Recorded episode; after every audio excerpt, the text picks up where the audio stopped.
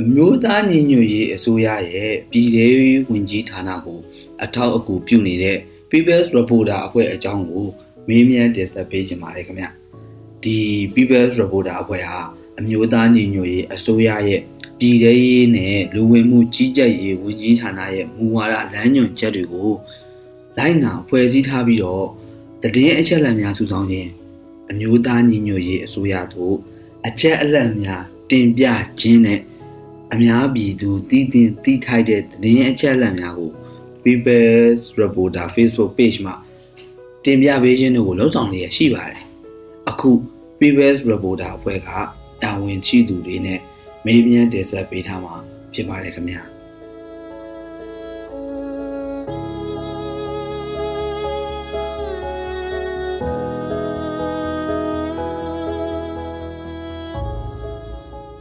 ဟုတ်ကဲ့ ပထမဆုံးအနေနဲ့ဒီ People's Reporter အဖွဲ့စတင်ပေါ်ပေါက်လာပုံကိုပြောပြပေးပါခင်ဗျာ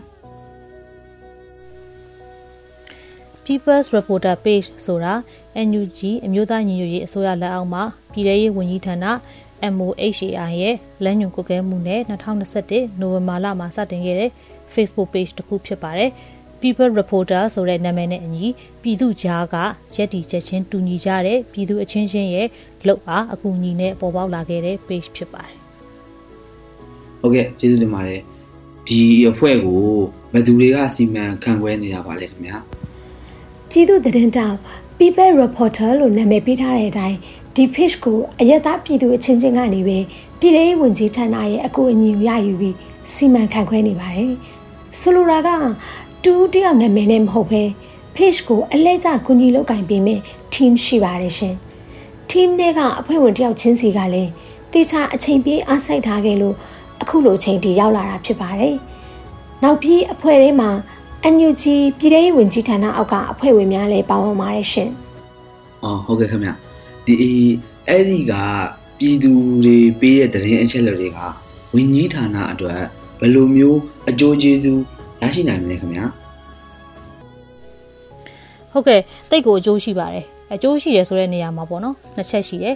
။ effective and efficient ဖြစ်မှုဆိုပြီးတော့ခွဲပြီးတော့ပြောလို့ရတယ်။ဒီ People Reporter page ကပြည်ထရေးဝန်ကြီးဌာနလက်အောက်လက်ညွှန်မှုအောက်ကနေပြီးတော့သွားနေတာဖြစ်တဲ့အတွက်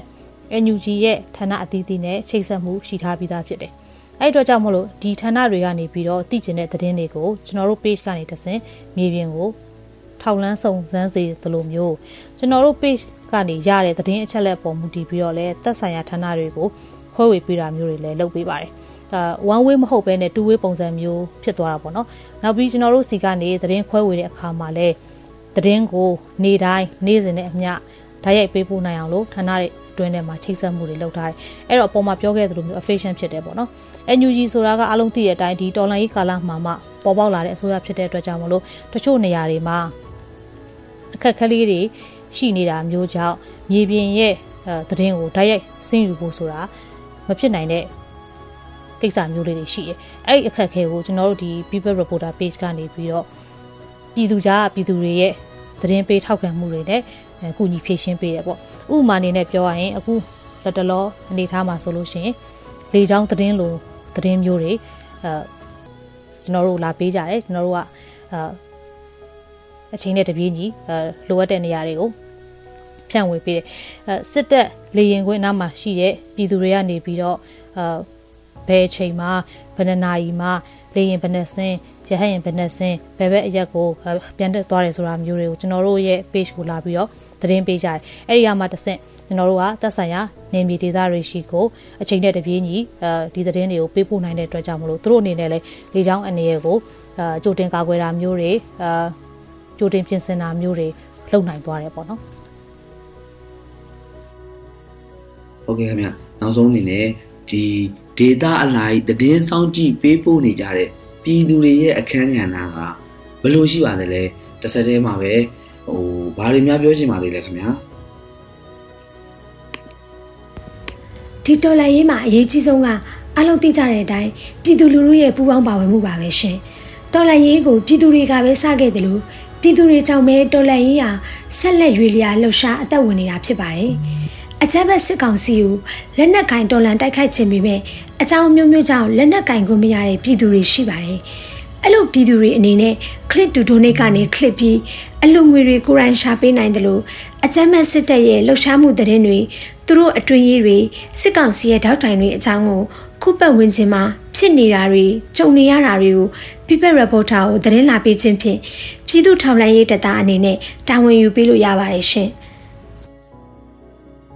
ကျမတို့စီမှာနေတိုင်းသူတို့တည်သမျှကြားသမျှစစ်ကောင်စီနဲ့ပတ်သက်တဲ့သတင်းတွေလာလာပြပြတာဓာတ်ပုံတွေပို့ပေးတာဗီဒီယိုတွေရိုက်ပြီးတော့ပို့ပေးနေတဲ့ပြည်သူတွေရှိပါတယ်ရှင်။ ဒါတွေကတကယ်တန်မှုရှိပြီးတော့အကျိုးများပါတယ်။ခုနကလေချောင်းသတင်းမျိုးဆိုစဉ်းစားကြည့်ရင်ပြည်သူသတင်းသမားတယောက်ရဲ့အချိန်မီအရောက်သတင်းလာပြီးရဲ့အတွက်ကြောင့်အဲ့ဒီဒေတာမှာရှိတဲ့ပြည်သူတွေကြိုရှောင်လို့ရတယ်။ဒါဟာစဉ်းစားကြည့်ရင်သတင်းလာပြီးရဲ့လူဟာတမျိုးတစ်ဖုံနဲ့ပြည်သူတွေရဲ့အသက်ကိုကယ်လိုက်တယ်လို့မှတ်ယူလို့ရပါတယ်ရှင်။နောက်ဆုံးဒေတာအလိုက်သတင်းဆောင်ကြည့်ပေးနေတဲ့ပြည်သူတွေကိုပြောချင်တာကတော့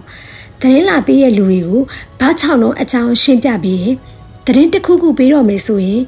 ဘားချောင်းလုံးအကြောင်းကိုသိပြီးမှလာပေးရင်တကယ်ကိုတန်ဖိုးရှိတဲ့သတင်းသမားတွေဖြစ်လာမယ်ဆိုတာပြောချင်ပါတယ်ရှင်။